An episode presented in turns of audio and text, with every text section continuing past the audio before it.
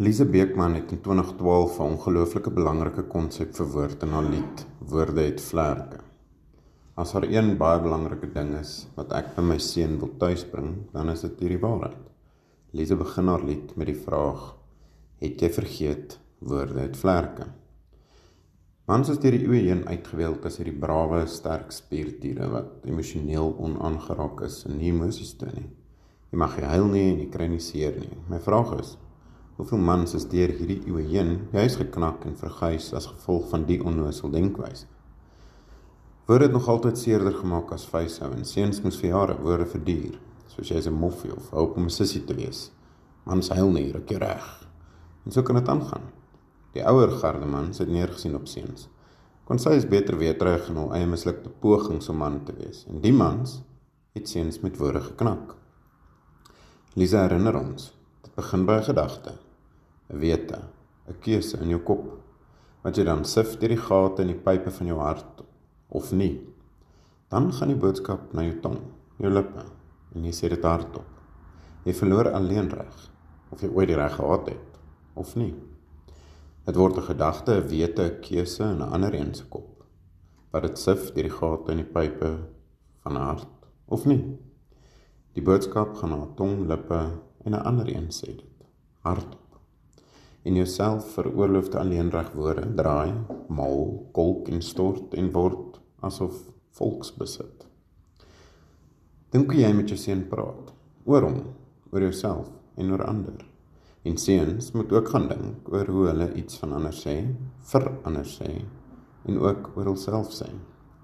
Want woorde klou vas en dit kleef en dit knaag. Net so klou en kleef 'n positiewe woord. Ons moet onthou dat die teenpool ook altyd waar is. En dae, weke, maande, tyd later kom lê woorde my oor. Woorde oor my, rondom my en dit vat aan my. En ek probeer en probeer en weer om dit te sif, sif, sif deur die gate in die pype van my hart, maar dit lê soos klippe in 'n sif van die fynste oogiesdraad. En ek dink het vergeet. Woorde het vlerke, dit vlieg. En hoe langer die vlug, hoe meer raak die vlerke. En dit sak laer en laer en laer.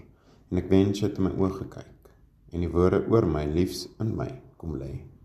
Dan was die vlug soveel korter, die vlerke soveel sterker en ons albei kon vlieg. Daar's of nie die uitdrukking stel jou woorde of sit te wag vir jou mond. Dis jy so omdat daar tog wel slim mense was wat verstaan hoe giftig woorde is. Hier is 'n paar eenvoudige wenke om met seer woorde om te gaan of om te verhoed dat jy gif van jou tong afspoeg. Dink altyd twee keer voor jy iets sê dink na of jy dit dalk anders kan sê of op 'n ander tyd kan sê. Mense is soms onder druk om die daad om op die daad te reageer en dit is nie altyd die wenslikste nie.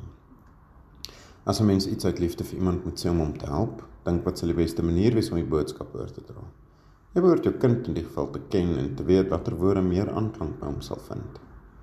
Verstaan jou kind se situasie, plaas jouself in sy skoene en probeer indink hoe jy die situasie sou ervaar. Ek maak my ook skuldig aan dat ek soms nie kan verstaan hoe my 9-jarige seun iets nie kan begryp nie.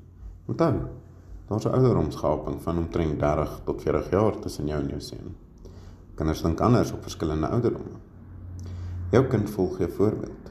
Let op hoe jy met jou vrou praat, wat jy rondom jou vriende sê en hoe jy oor ander mense praat. Die kans is goed dat jou seun soos jy sal optree. Leer jou kind hoe om in sekere situasies te reageer en hoe om sy woorde te tel. Ons sukkel jouself daarmee. Daar's nie handleiding met vaderskap wat saam met kinders kom nie. Maar paas weet tog. Woorde het vlerke.